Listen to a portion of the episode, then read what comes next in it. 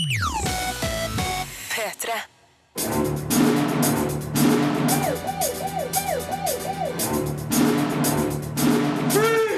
Filmpolitiet! What's your name, dude? Birger Vestmo. What kind of stupid name is that? Fury med Brad Pitt er en mørk og brutal krigsfilm. Den svenske Oscar-kandidaten Turist er regissør Ruben Østlunds blikk på en maskulin krise. Bjørnøya er en frisk dokumentar som vekker reiselysten. Og Miraklene i Toskana er vakker og stemningsfull. I tillegg til de her filmpremierene anmeldes de nye spillene Drømmefall-kapitler og The Legend of Korra.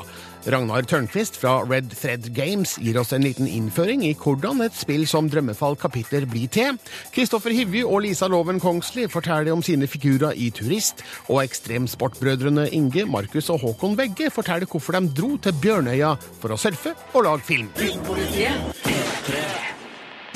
Filmpolitiet anmelder film.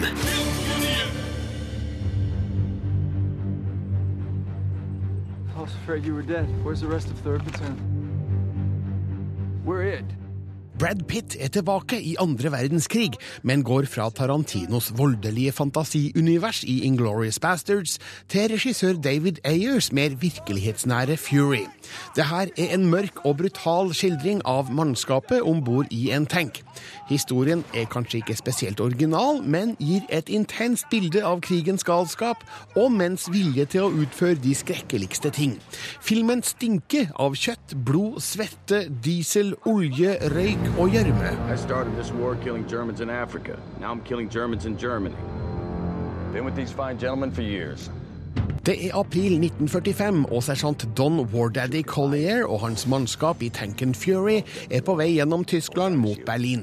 På veien må de innta noen små byer, samtidig som desperate tyske soldater må overvinnes. Situasjonen i tanken utfordres når de får et nytt og sylferskt medlem, nemlig unge og uerfarne Norman, spilt av Logan Lerman. Han og vi skal snart få oppleve hvordan en krig arter seg fra innsida av en tank. Never even seen the inside of a tank.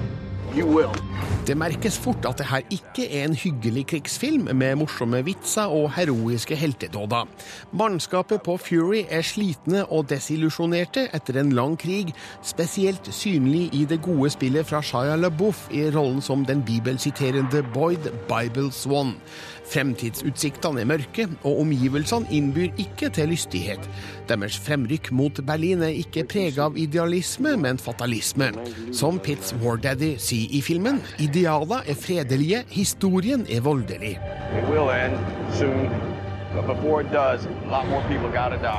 Filmens krigsscener er voldsomme og heftige, der regissør David Ayer, kjent for End of Watch og Sabotage, ikke legger skjul på hvilken effekt kuler av ulike kalibre har på menneskekropper. Kjøtt og blod spruter i alle retninger, og man kan få en vond smak i munnen av det. Det er sjølsagt meninga.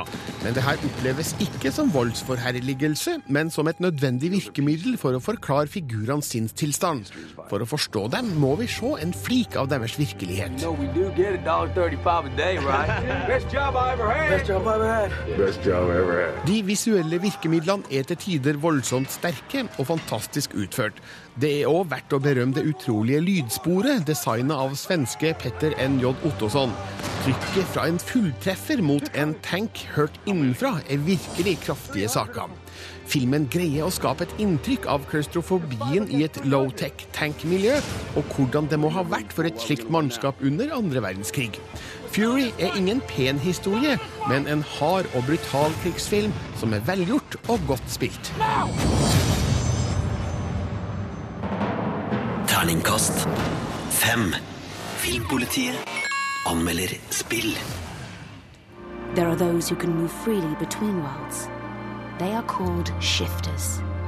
There are few of them left now. And then there are those who can dream themselves into other worlds, existing in two places at once. They are the dreamers. There is only one known dreamer in the twin worlds. Her name is Zoe, and she is lost in the story time where every story begins, including this one. Sånn høres det ut i Drømmefall-kapitler som da hadde release denne uka. Rune Håkonsen, jeg føler vi må padle litt tilbake her for å fortelle om utgangspunktet, for det kom allerede i 1999. Ja, da kom den lengste reisen fra spillselskapet Funcom, noe som eh, i løpet av årene har blitt kanskje et av Norges veldig få kultspill, med en ganske stor tilhengerskare over hele verden. Det gikk ganske mange år før spill nummer to i serien kom, Drømmefall, den lengste reisen. Det kom i 2006, og så har vi nå da igjen venta åtte år på det tredje og siste kapitlet i fortellingen om, de, om fantasiverdenen Arkadia og den mørke verden Stark. Og i hovedrollen her igjen så finner vi altså Zoe Castillo, som også var å finne i det forrige spillet. Tittelen eh, 'Drømmefall kapitler' tyder på at eh, vi har med mm, en episodisk spillserie å gjøre? Ja, eh, spillskaper Ragnar Tørnquist gikk ut av Funcom for et par år tilbake og startet opp Red Thread Games, studio som nå da står bak det tredje spillet i serien. Og, og som du sier, ja, det er et episodebasert spill som kommer i to deler. Første del kom denne uka, og det må jeg si har vært et, et gledelig gjensyn med den fantasirike og velskrevne spillfortellingen som, som Ragnar Tørnquist gjennom mange år har vært eh, kjent for. Se det. Ja, da må du forklare hvorfor. Det handler om å skape et, et litt annerledes fantasi-science fiction-univers, eh, med da den kvinnelige hovedrolleinnehaveren. I det første spillet, April Ryan, og nå da Zoe Castillo, det i seg selv var ikke så veldig vanlig i 1999 å plassere en kvinne i hovedrollen. Det er mye mer vanlig i dag, men det er deilig å se at det er en, en, en, en dyp figur. Den er veldig godt skrevet, hele historien til spillet, og avslutter mange av de spørsmålene som man satt igjen med etter de, de to første spillene. Eh, det som har vært interessant her, er jo at spillet også har blitt folkefinansiert gjennom Kickstarter, og har sånn sett vist seg å, å, å, ha, å få veldig mye oppmerksomhet allerede før det ble gitt ut denne uka. Det er med andre ord ikke uten grunn når man ser på kvaliteten som går inn i skrivearbeidet her. Og, og, og jeg må bare understreke at jeg syns det aller mest spennende med å spille Drømmefall igjen, det er nettopp det å kunne utforske disse verdenene, som er visuelt utrolig stilige, men det er også det å kunne få fortsette på en veldig god historie som jeg har lengta etter å få avslutta. Ja, Hva er historien her, og, og hva slags verden å bevege man seg i i spillet? Eh, det, det har en, en, en, en, viss del av, av nåtid, av, av, av, vår samtid, av vår virkelighet i seg. Men så bygger man på disse lagene med fantasi og science fiction, for det finnes nemlig flere verdener. Og for de som kan bevege seg mellom dem, så er det mange muligheter for å rette opp i verdens ulumskheter. Og det er utgangspunktet for spillet. Jeg har ikke lyst til å gå så veldig mye inn og avsløre for de som har venta i mange år på dette, men Zoe kan altså bevege seg mellom disse verdenene. og Vi får også møte flere personer i historien som på mystisk vis etter hvert knytter seg sammen. Og det er akkurat dette med å ta den verden vi ser rundt oss, og så legge til alle disse fantastiske elementene, som jeg syns gjør spesielt da Drømmefolk kapitler til en, til en veldig spennende spilltittel. Men som spiller, hva slags utfordringer står man overfor her? Det er jo et pek og klikk-spill i, i, tradisjonell forstand, hvor du styrer hovedfiguren i tredje person, går rundt og kikker og løser oppgaver og puslespill. Det som gjør det litt annerledes, er at du underveis også får uh, muligheten til å ta moralske valg som vil endre hvordan du opplever spillet. Det du sier til figurene, dine valg, hvordan du velger å løse utfordringene, det har betydning for hvordan spillet utvikler seg. Og, og det legger på et ekstra element i denne klassiske pek og klikk-sjangeren, eh, som vi har sett de siste årene i bl.a.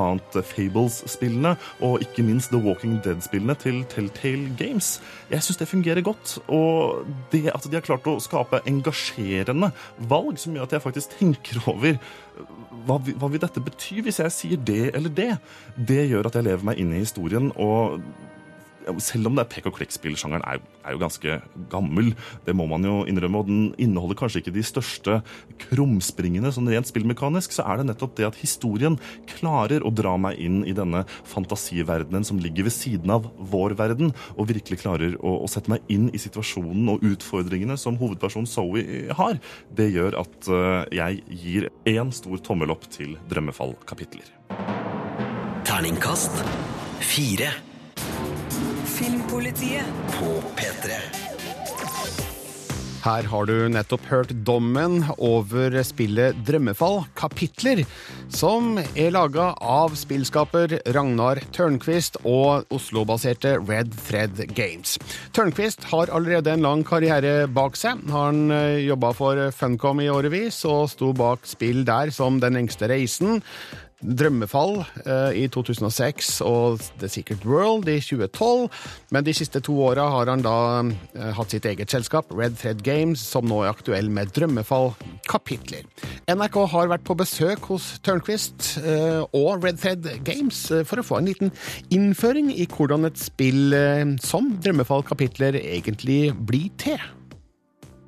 Dreamer, the sky god has been searching for you. Where have you gone to, dreamer? Whose dreams are you dreaming?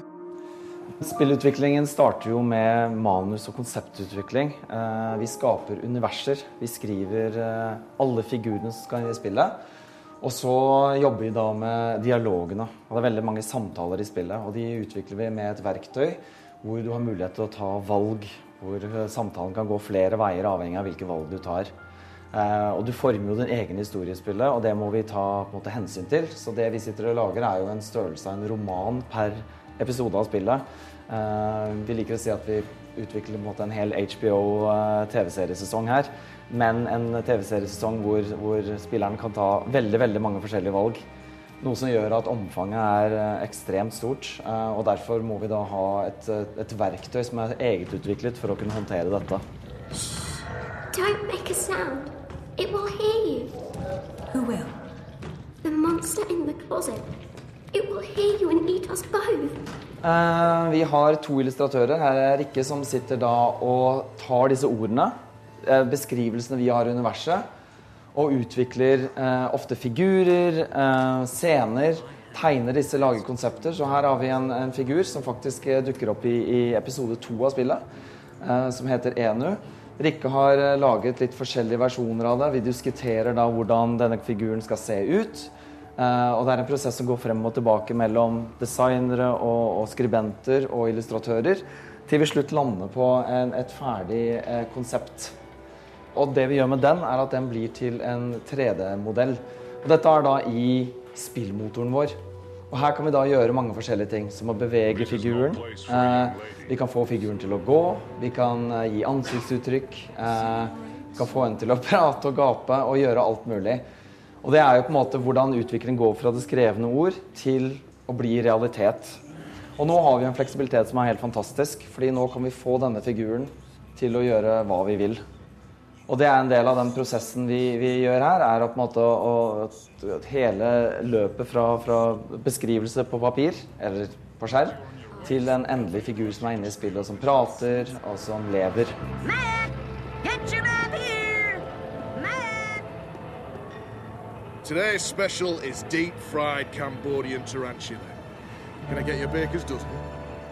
Og det Morten holder på med her, er å se litt på, på logikken og sånne ting eh, av det som eh, foregår. For det er mye funksjonelt i, i spillet. Eh, det betyr jo at når du går bortover, så skal du ikke passere gjennom bord, og du skal eh, kunne gå gjennom dører, og du skal, du skal kunne prate med visse figurer. Og det eh, er- ligger jo ikke på eh, grafikerne, det ligger jo på teknikerne og designerne da, som sørger for at alt dette her fungerer teknisk som det skal. Og det er den største utfordringen. Å sørge for at eh, det, det fungerer. Og det er det vi på en måte holder på med nå. og Det tar veldig mye tid. Det fortalte spillskaper Ragnar Tørnquist hos Red Thread Games. Du kan eh, nå teste resultatet sjøl, hvis du da kjøper Drømmefall-kapitler på nett. Tørnquist ble intervjua av Christian Ingebretsen. Filmpolitiet anmelder film. Where do you come from? From Sweden. Sweden, Yes. very good. I'll make you the beauty picture together. Come on. One, two, smile. Good one. Den svenske regissøren Ruben Østlund setter oss i en kinkig posisjon i filmen Turist. Her blir tilskueren simpelthen nødt til å tenke over hvordan man ville ha reagert i en gitt situasjon, men det er umulig å komme fram til et sikkert svar. Denne filmen utforsker høyst interessante problemstillinger, bortgjemte sjølerkjennelser og en mannsrolle i krise. Rivende godt skuespill, et smart skrevet manus og en jevn strøm av underfundig humor gjør Turist til en svært tilfredsstillende filmopplevelse. Det är såna jäkla krafter. Är det safe? Ja, ja, ja. De vet vad de gör. Pappa! Pappa! som er där Pappa! kontrollerat. Harry, Harry, Harry. Det är lugnt. Det är lugnt. Et snøskred raser mot en familie på en uteservering i Alpene. Ebba, spilt av Lisa Loven Kongsli, kaster seg over ungene. Thomas, spilt av Johannes Kunke, springer for å redde seg sjøl. Men når snøføyka legger seg, viser det seg at skredet har stoppa i tide. Når far kommer tilbake, later han som ingenting. Men når de får besøk av Thomas sin gamle skikompis Mats, spilt av Kristoffer Hivju, blir de nødt til å konfrontere det problematiske med det som har skjedd. It was quite uh, shocking. Everyone is fine. I mean, they, they know what they're doing and He got so scared that right he ran away from the table. Østlund driver frem historien med stor troverdighet. Han lar konflikten snike seg frem uten bombastiske virkemidler. Og da tenker jeg på alt det som skjer etter det utrolige snøskredet, som virkelig er et mektig syn på kino. Thomas og Ebba fortsetter som før, men snart vises tegn på en mistillit mellom dem. Thomas benekter at han forlot familien sin, men i øynene hans ser vi hvordan skyldfølelsen river i han. Johannes Kunke spiller godt som en mann som nekter å innrømme overfor seg sjøl at overlevelsesinstinktet vant over beskyttelsesinstinktet. Og så kommer Thomas tilbake, og vi sier ingenting. Og fortsetter bare å spise. Lisa Loven Kongsli presterer fabelaktig i sin første hovedrolle, der hun takler rollens utfordringer med briljans. Spesielt en scene der hun endelig forteller hvordan hun opplevde snøskredet, er imponerende godt og beherska spilt. Kristoffer Hivju kommer inn i en morsom rolle som myk bamse som forsøker å rettferdiggjøre kameratens handling, og får større utfordringer her enn i andre filmroller vi har sett han i hittil. Når jeg bare eh, sier at det er, jo, det er jo I slike situasjoner så er det ikke alltid vi liksom er helt medveten da, eh, om hva vi gjør. Turist er lekkert filma og godt fortalt av en av Europas mest interessante filmskapere.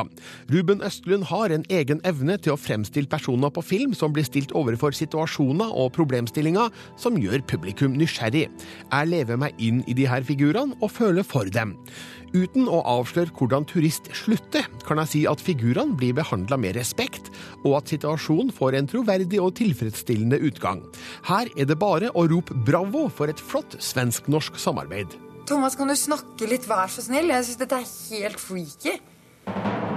Terningkast fem. Jeg har møtt Kristoffer Hivju og Lisa Loven Kongsli, samt regissør Ruben Østlund, som her diskuterer rollefigurene i Turist. Eh, nei, min karakter er jo en venn av Thomas, som er da mannen til eh, Ebba, som Lisa spiller. Eh, og det er jo Thomas som eh, rømmer fra familien sin når eh, snøskredet kommer. Eh, og det er jo utgangspunktet for, for hele, hele filmen. At han i måte, det kritiske øyeblikket velger å ta sin iPhone og sine hansker og løpe, mens eh, Lisas karakter da kaster seg over barna. Eh, jeg spiller hans kamerat eh, med en fortid, og vi har en sånn ekstremsport-skifortid. Eh, men jeg blir stilt litt i det samme dilemmaet når min kjæreste eh, tror at jeg ville gjort det samme. Mm. Eh, så bare tanken på, eh, eller tvilen om at man ikke skal være den store helten i den ekstreme situasjonen, eh, gir min karakter et, et, et, et grandiost dilemma.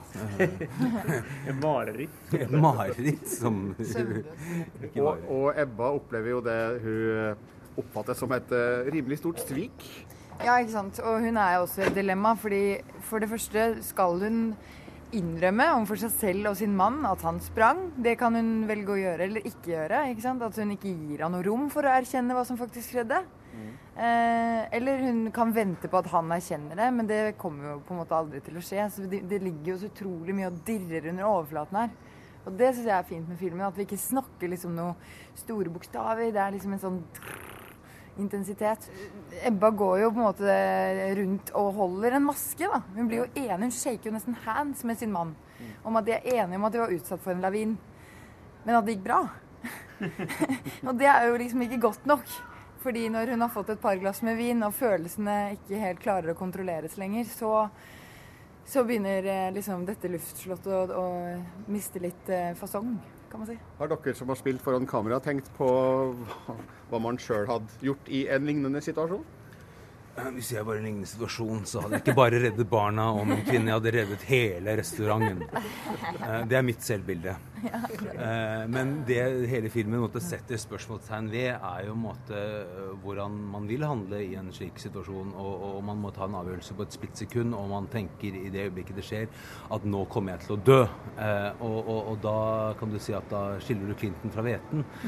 Eh, På den annen side kan du si at vi lever i en veldig sivilisert verden hvor menn har lært seg å bli fantastiske støvsugere og, og blitt eh, gode fedre og, og ja, i alle måter eh, myke, eh, ansvarsfulle menn. Eh, og, og det er klart at eh, da er våre forutsetninger for å kunne takle en ekstrem situasjon eh, mindre enn hvis man hadde løpt rundt i skauen med et sverd eh, halve livet. Så, gjør. så- ja, men det, det er bare på jobb, det synes jeg. men så, så det, er, det, er, det, er jo, det er jo et spørsmålstegn spørsmål, filmen stiller. ikke sant? Hva ville du gjort, og, og, og hvordan ville du handlet? Og den vil også forhåpentligvis gi noen noen gode råd på hvordan du bør handle. For ellers så har du en to timer helvete foran deg. Ja, det er interessant. eller når jeg gjorde research for filmen så støtte jeg på så här sociologiska undersökningar där man har kollat från Titanic till Estonia om eh, överlevarna. Och procentuellt sett så är det ju män i en viss ålder som överlever i störst utsträckning och de som dör är kvinnor och barn. Och så att eh, den här myten om mannen som hjälte eh, och det när det händer något oväntat, den stämmer egentligen inte. Utan eh, man, man, man behöver inte ställa sig den frågan riktigt tycker jag. Sannolikheten är störst att man hade, att man hade sprung, sprungit om man, om man jämför mellan kvinnan och mannen. För mannen har förmågan att agera egoistiskt i de situationerna. Mm. Och det är ju jävligt spännande när man då tittar på den hjälterollen eller hjältebilden som reproduceras så extremt mycket inom, inom filmen. Det går nästan inte att gå här nere utan att se en enda affisch där det liksom är någon, eh, jag vet inte, det står någon manlig hjälte på, på framsidan. Så mannen som hjälte och kvinnan som sexobjekt är de två mest reproducerade stereotyperna inom, inom film. Det er jo veldig hyggelig for oss i Norge da, at du har valgt to norrbager. Ja. Eh, hvordan eh, kom du på det? Eh, Det var verkligen ingenting som um, var planerat egentligen. Jag, jag har ju åkt mycket skidor och då blev jag kompis med flera norska skidåkare. Och jag, därför hade jag tänkt att Thomas skulle ha en, en gammal kompis som var eh, norrman och ja, som han skulle stöta på där nere då. Eh, och när vi var i Oslo för att kasta eh, Mats-rollen så testade vi några kvinnliga skådespelare också och då stötte vi på Lisa. Och det ställde egentligen bara till massa problem för oss för att jag hade inte alls tänkt att det skulle vara en eh, norsk eh, eh, kvinnlig skådespelare i huvudrollen. Eh, utan eh, eh, så, så vi försökte in i det sista liksom att prova ännu fler svenska skådespelare men det gick inte. Lisa var helt enkelt bäst. Er du glad for det, Lisa? Ja. Den, Svaret er avlagt. Hva slags utfordringer ga rollen deg? Ah, eh, mange utfordringer. Eh, kanskje først og fremst utfordringen med mitt eget selvbilde. På en måte Selvtilliten måtte til pers. Jeg måtte overgå min egen frykt for å være bra nok. Hver dag omtrent på opptak. Eh, og så er jeg en filmnerd. Det har vært veldig fan av Rubens eh, filmer tidligere, så det var utrolig stort å få lov til å debutere med min første hovedrolle i film med Ruben.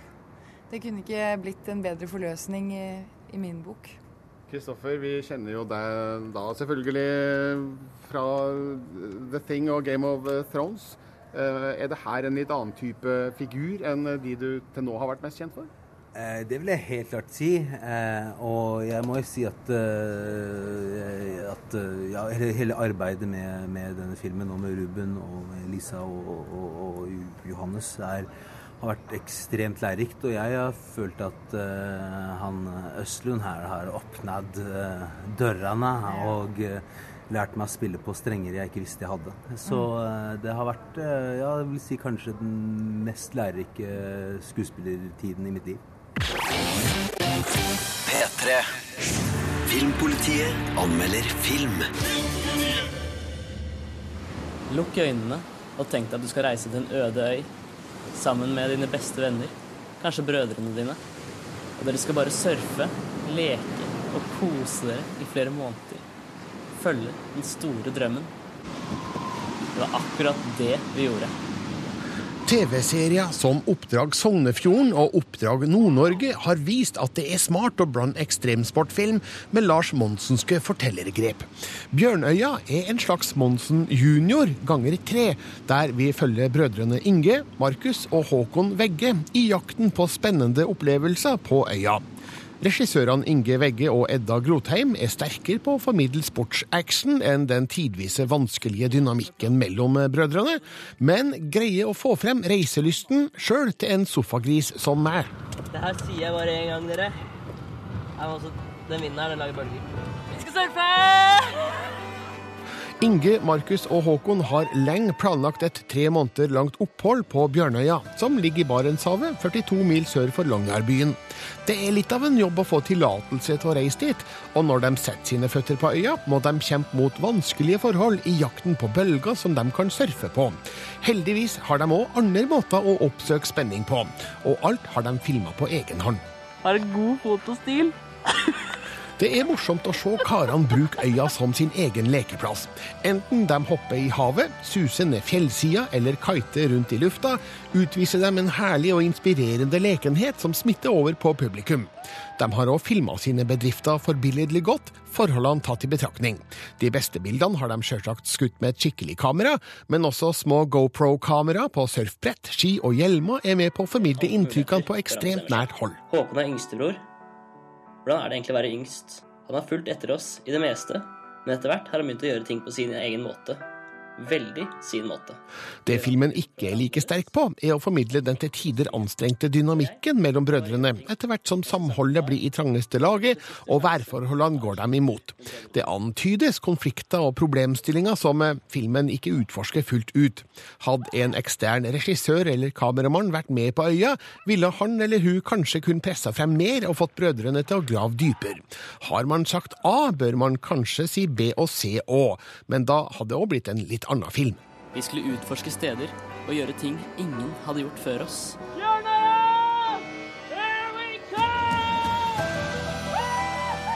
I sine beste øyeblikk er Bjørnøya en feiring av individets rett til å leke, utforske naturen og sette seg sjøl på prøve. Brødrenes utadvendte fremtoninger gjør dem enkle å like, og deres sympatiske holdninger til naturen de beveger seg i, sprer et miljøriktig budskap. Bjørnøya har flere imponerende og majestetiske bilder av ville arktiske opplevelser som er svært få forunt. Denne filmen er derfor slett ikke et dårlig substitutt.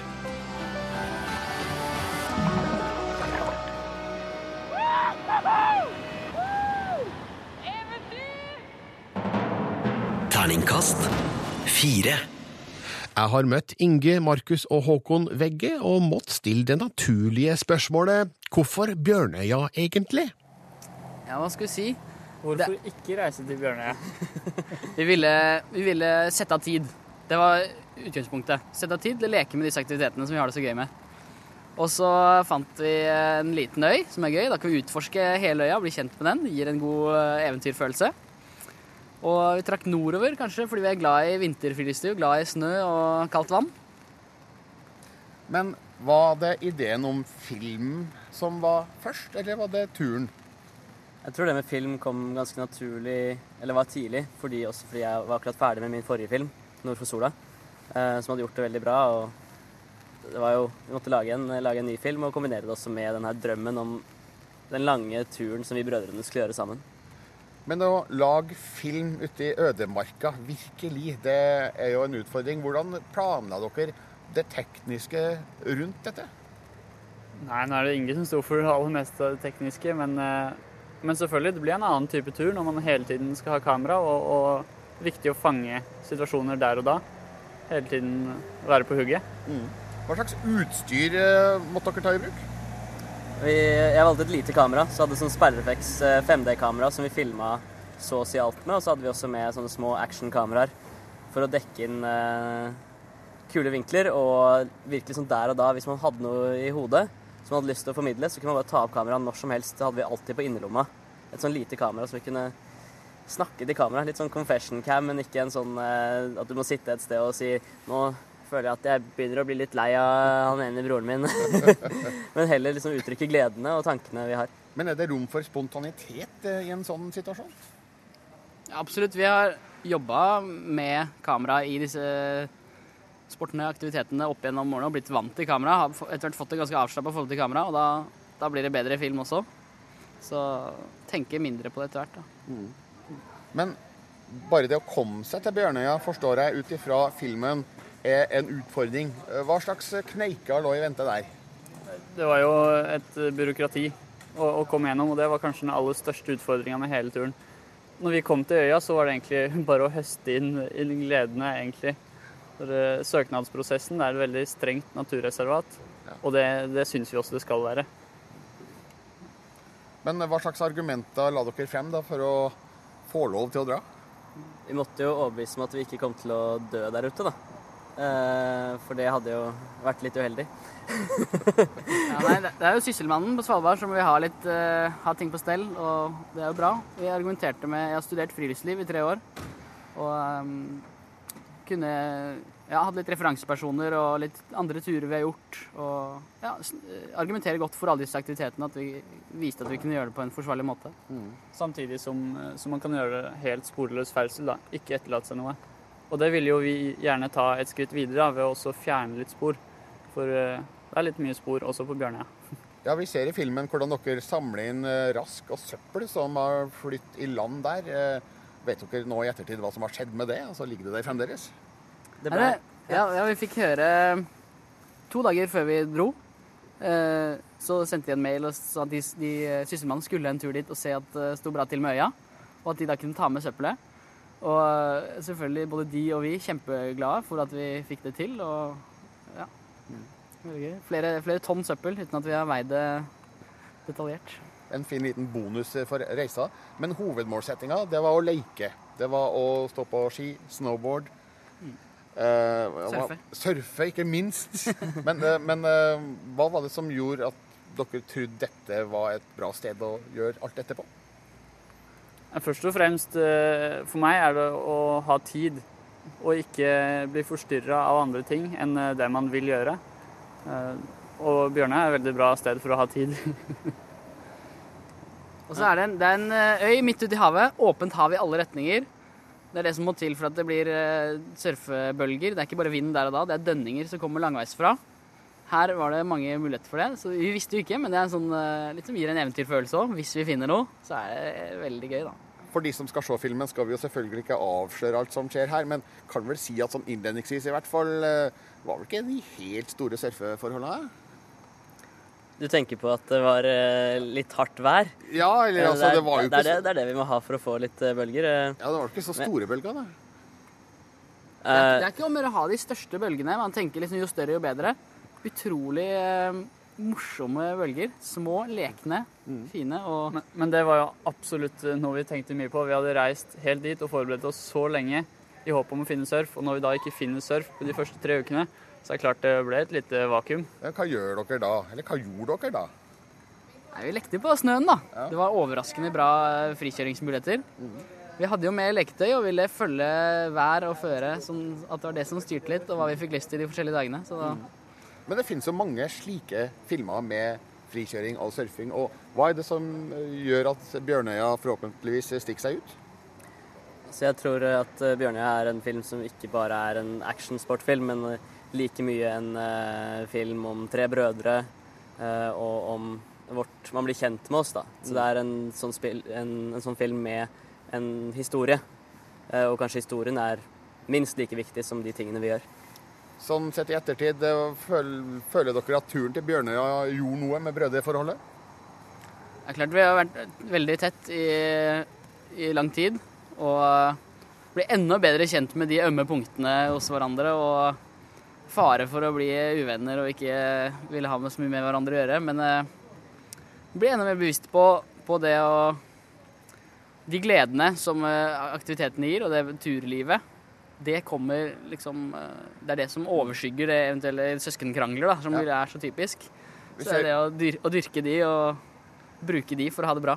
Vi ser jo tegn til noen gnistinger i filmen. Altså, hvordan, hvordan føltes det å skulle dele dette foran kamera? Nei, det er jo tøft, men, eh, men skal det bli en, eh, en, en ekte og en god film, så må man utlevere seg. Eh, Sånn er det bare. Selv om det kjennes tøft. å se. Jeg tror det at hvis man er med på våre nedturer, så er det enda bedre å være med på våre oppturer. Men er det her en skal vi kalle det ærlig og oppriktig film, eller er mye konstruert av situasjoner og problemstillinger? Ja, det er det som er så fint. Jeg føler filmen virkelig gjenspeiler turen vår. Da. Når jeg ser filmen nå, så er det som å være på turen en gang til. Eh, ting eh, skjedde på en veldig bra rekkefølge, sånn dramatisk sett. At vi fikk bygd opp historien, og tingene skjedde i rett rekkefølge. Vi hadde flaks, rett og slett, med det dramaturgiske eventyret vårt.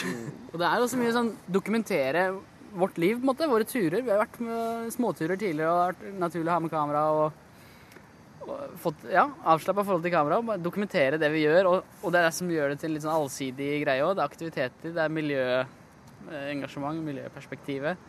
Det er mange, mange settinger. Og bare dokumentere sånn vi, sånn vi liker å ha det gøy og leve livene våre. Bjørnøya er et eh, øde, værhardt sted. Var det noen gang direkte farlig? Nei, det tror jeg ikke. Vi var veldig godt forberedt, nesten for godt forberedt. Eh, man hadde veldig utfordrende situasjoner, men eh, vi følte aldri at det var direkte farlig. Du har et møte med is, uten å avsløre eh, så mye. Men blir det, ser det mer dramatisk ut enn det egentlig er? Nei, jeg gikk tom for strøm på kamera før det ble virkelig dramatisk. Så, men vi fikk fanga litt av det på filmen, heldigvis. Det er noe med å eh, Vi oppsøker jo litt farlige situasjoner. Vi kunne tatt det veldig rolig. Og, men det er å, å, gjøre ting ut fra sitt ståsted. Og, og det hvorvidt noe er farlig eller ikke, er veldig opp til ens, ens utgangspunkt. Vi er, har kjørt mye på snowboard og kan gjøre skredvurderinger. Vi har surfa mye og kan forholde oss til de strømningene som er. Så, så vi mener at det ikke er farlig, da, det vi har gjort. Det er å, å utfordre seg og, og mestre. Og, I små skala. da. Ikke gjøre noe helse, halsbrekkende. Hva håper dere publikum skal ta med seg fra filmen på kino? Det er å Undertittelen er jo 'Følg drømmen'. Spørre seg selv hva er ens egne drømmer, eh, og, og, tørre å strekke seg. Gå over dørstokkmila. Ta de utfordringene og, og få eh, gedigen eh, opplevelse igjen ved å følge drømmer. Veldig, veldig, fint hvis vi klarer å inspirere folk bare til å dra ut i naturen, også i miljøperspektiv. For selv om eh, å være i naturen er en slitasje, så tror vi at det er sånn at det er de som er mest i naturen, som bryr seg mest om den. Man kjenner det på kroppen, og, og det blir naturlig å bli, bli, litt opptatt av miljøet. Mm. Dere håper kanskje ikke på at det skal bli et rush av folk som skal til Bjørnøya nå? Nei, det er såpass vanskelig å komme seg dit. Og som vi også har sagt, hadde vi visst hvor vanskelig det var, så hadde vi kanskje ikke dratt dit, men et annet sted som er lettere å komme seg til. du hørte Ekstrembrødrene Inge, Markus og Håkon Vegge, som altså står bak dokumentarfilmen Bjørnøya. Filmpolitiet anmelder film. Lo sapevo. Ma facciamo le crepe. Io lo voglio. Te non devi fare la cacca? Drømmen om et naturalistisk liv på landet står sentralt i den italienske regissøren Alice Rohrwachers vakre og stemningsfulle film 'Miraklene i Toskana'. Et spenningsfullt far-datter-forhold er òg en av filmens viktige temaer, og er glitrende spilt av unge Maria Alexandra Lungo og Sam Lovik. Filmen er best i sine observerende øyeblikk, der kameraet fanger inn små nyanser i menneskers kontakt med natur og hverandre. Babbo, partecipiamo? A cosa? Alla selezione al Paese delle Meraviglie. Vi møter en familie som bor i et hus på landet, der de livnærer seg på birøkting og honningproduksjon. Alle de fire barna må jobbe i sommerferien, med en far som reagerer kraftig om de bryter hans strenge regler. Så kommer et TV-crew til området for å lage en konkurranse for produsenter av lokale varer. Pengepremien kan redde familien fra sine økonomiske problemer. Og tolv år gamle Gelsomina, spilt av Maria Alexandra Lungu, vil gjerne melde dem på, men møter motstand fra faren.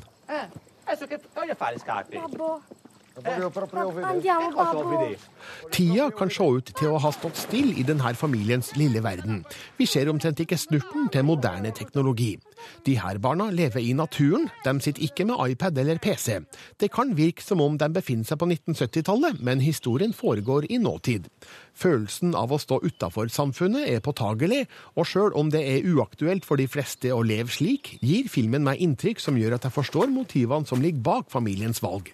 Det her er siste rest av det gamle liv på den italienske landsbygda. Riportami la scarpa. Comincia. La ruota. Barna i denne filmen er fantastiske. De spiller ikke foran kamera, de bare er. Spesielt Maria Alexandra Lungu presterer en rolle med beherska spill, nydelig utstråling og en tilstedeværelse som er imponerende for en så ung skuespiller. Gelsominas yngre søsken spilles òg av barn som ikke på noe tidspunkt avslører at de bare spiller.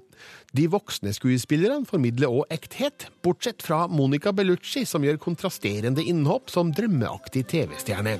Sì, Regissør Alice Rorvacker har òg skrevet filmens manus, og er kanskje mer opptatt av å skildre personer og stemninger enn å fortelle en intrikat historie.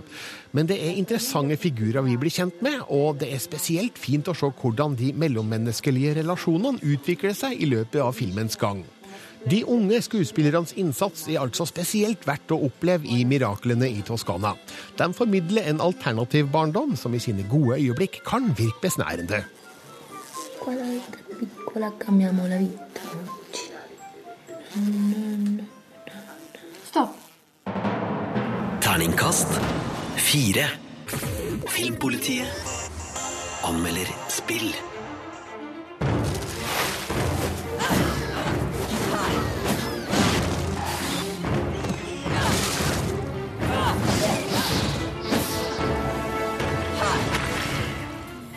Her hørte du lyd fra det nye spillet The Legend of Korra, som ble sluppet denne uka.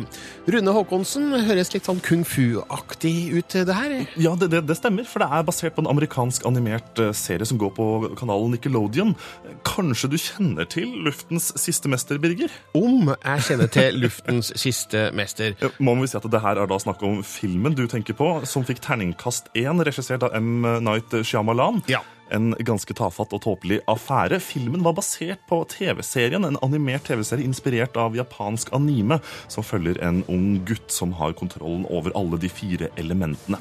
Serien den gikk i tre sesonger, og det kom en oppfølgeserie med en ny person i hovedrollen, jenta Korra. Den heter The Legend of Korra, eh, serien også, og spillet nå baserer seg altså ut fra denne serien og plasserer seg midt i eh, det hele. Eh, Det er med andre ord ganske smart å, å kjenne til historien fra før. Nå er The Legend of Korra sluppet til PC, PlayStation 3 og PlayStation 4.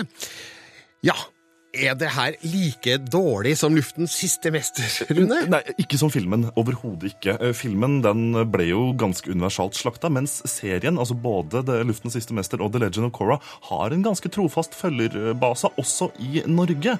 Eh, Og det er kvalitet som står i historiefortellingen, som rett og slett er dette spillets aller beste kort. Dessverre så har det gjort at spillet ikke er så mye spill, egentlig. For kampsekvensene hvor du får ta kontroll over hovedpersonen, det er mest transportetapper der du banker opp det du kan se, før du får se neste animerte mellomsekvens. Og det er disse animerte mellomsekvensene som egentlig nesten er en liten ekstra øh, sidesesong i, i den animerte serien, som er det sterkeste leddet i dette spillet. Og når spillet ikke er så godt seg selv, men de animerte mellomsekvensene, så, så når ikke det helt opp til toppen, altså. Nei, så Det er nesten så det ikke kan kalles et spill. Jo, jo, for all det har mange spillelementer i seg, og, og et greit kampsystem eh, laget av Platinum Games, som står bl.a.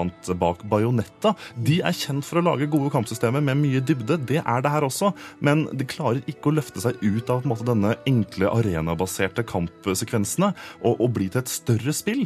Det er mellomsekvensene, det er de animerte delene av spillet, eller unnskyld, serien egentlig, som er det beste også i The Legend of Korra. Men er det da sånn at en som meg, som ikke har eh, sett serien og hopper rett inn, ikke får like mye ut av spillet? Det er helt åpenbart. Man bør ha kjennskap til figurene, til bakhistorien, og kanskje til og med ha sett den animerte serien for å få fullt utbytte av spillet The Legend of Korra.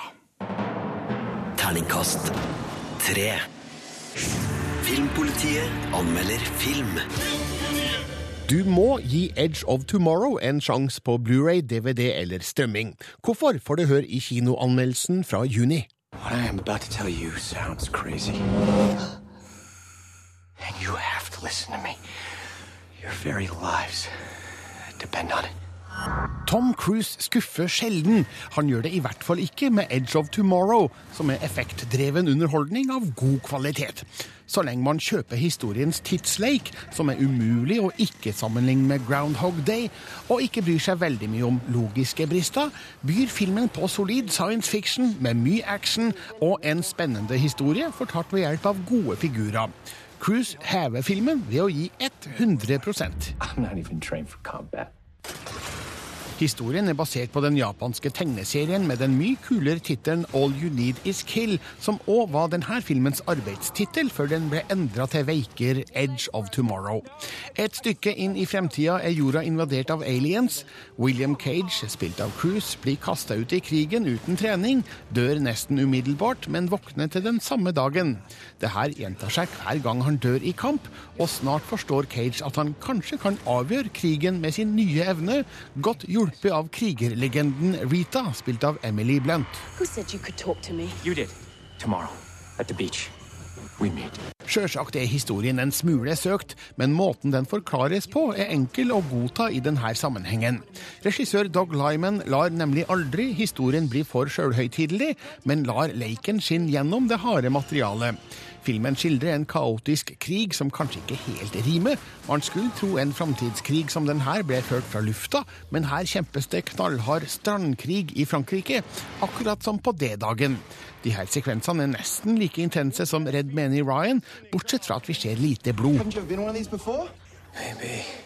Tom Cruise har sine kritikere, men jeg er fan.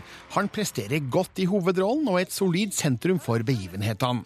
Emily Blunt blir litt anonym som Rita. Filmen ville ha blitt bedre med en sterkere skikkelse i rollen. Høydepunktet for min del er likevel Bill Paxton som tøff og tørrvittig sersjant. Dessverre forsvinner han mer eller mindre fra historien utover i filmen, uten å få sagt Game Over Man en eneste gang. Det fins ting jeg irriterer meg litt over, som slutten. Her burde Lyman turt å gjøre filmen mørkere. Filmens aliens er heller ikke spesielt interessante, og dersom man tenker hardt over visse historieelementer, fins det ting man godt kan stusse over. Men jeg gjør det ikke, fordi Edge of Tomorrow er en eneste stor effektfest med en historie uten dødpunkter, og med en dreven og inspirert Tom Cruise i fokus. Terningkast fem. Dermed håper jeg du gir Edge of Tomorrow en sjanse på Blu-ray eller DVD eller på strømmetjenester. Det var alt vi hadde å by på i denne podkasten fra Filmpolitiet. Takk for at du lasta ned, og takk for at du hørte på helt til nå. Filmpolitiet med Birger Vestmo på P3. Hør flere podkaster på nrk.no podkast. P3.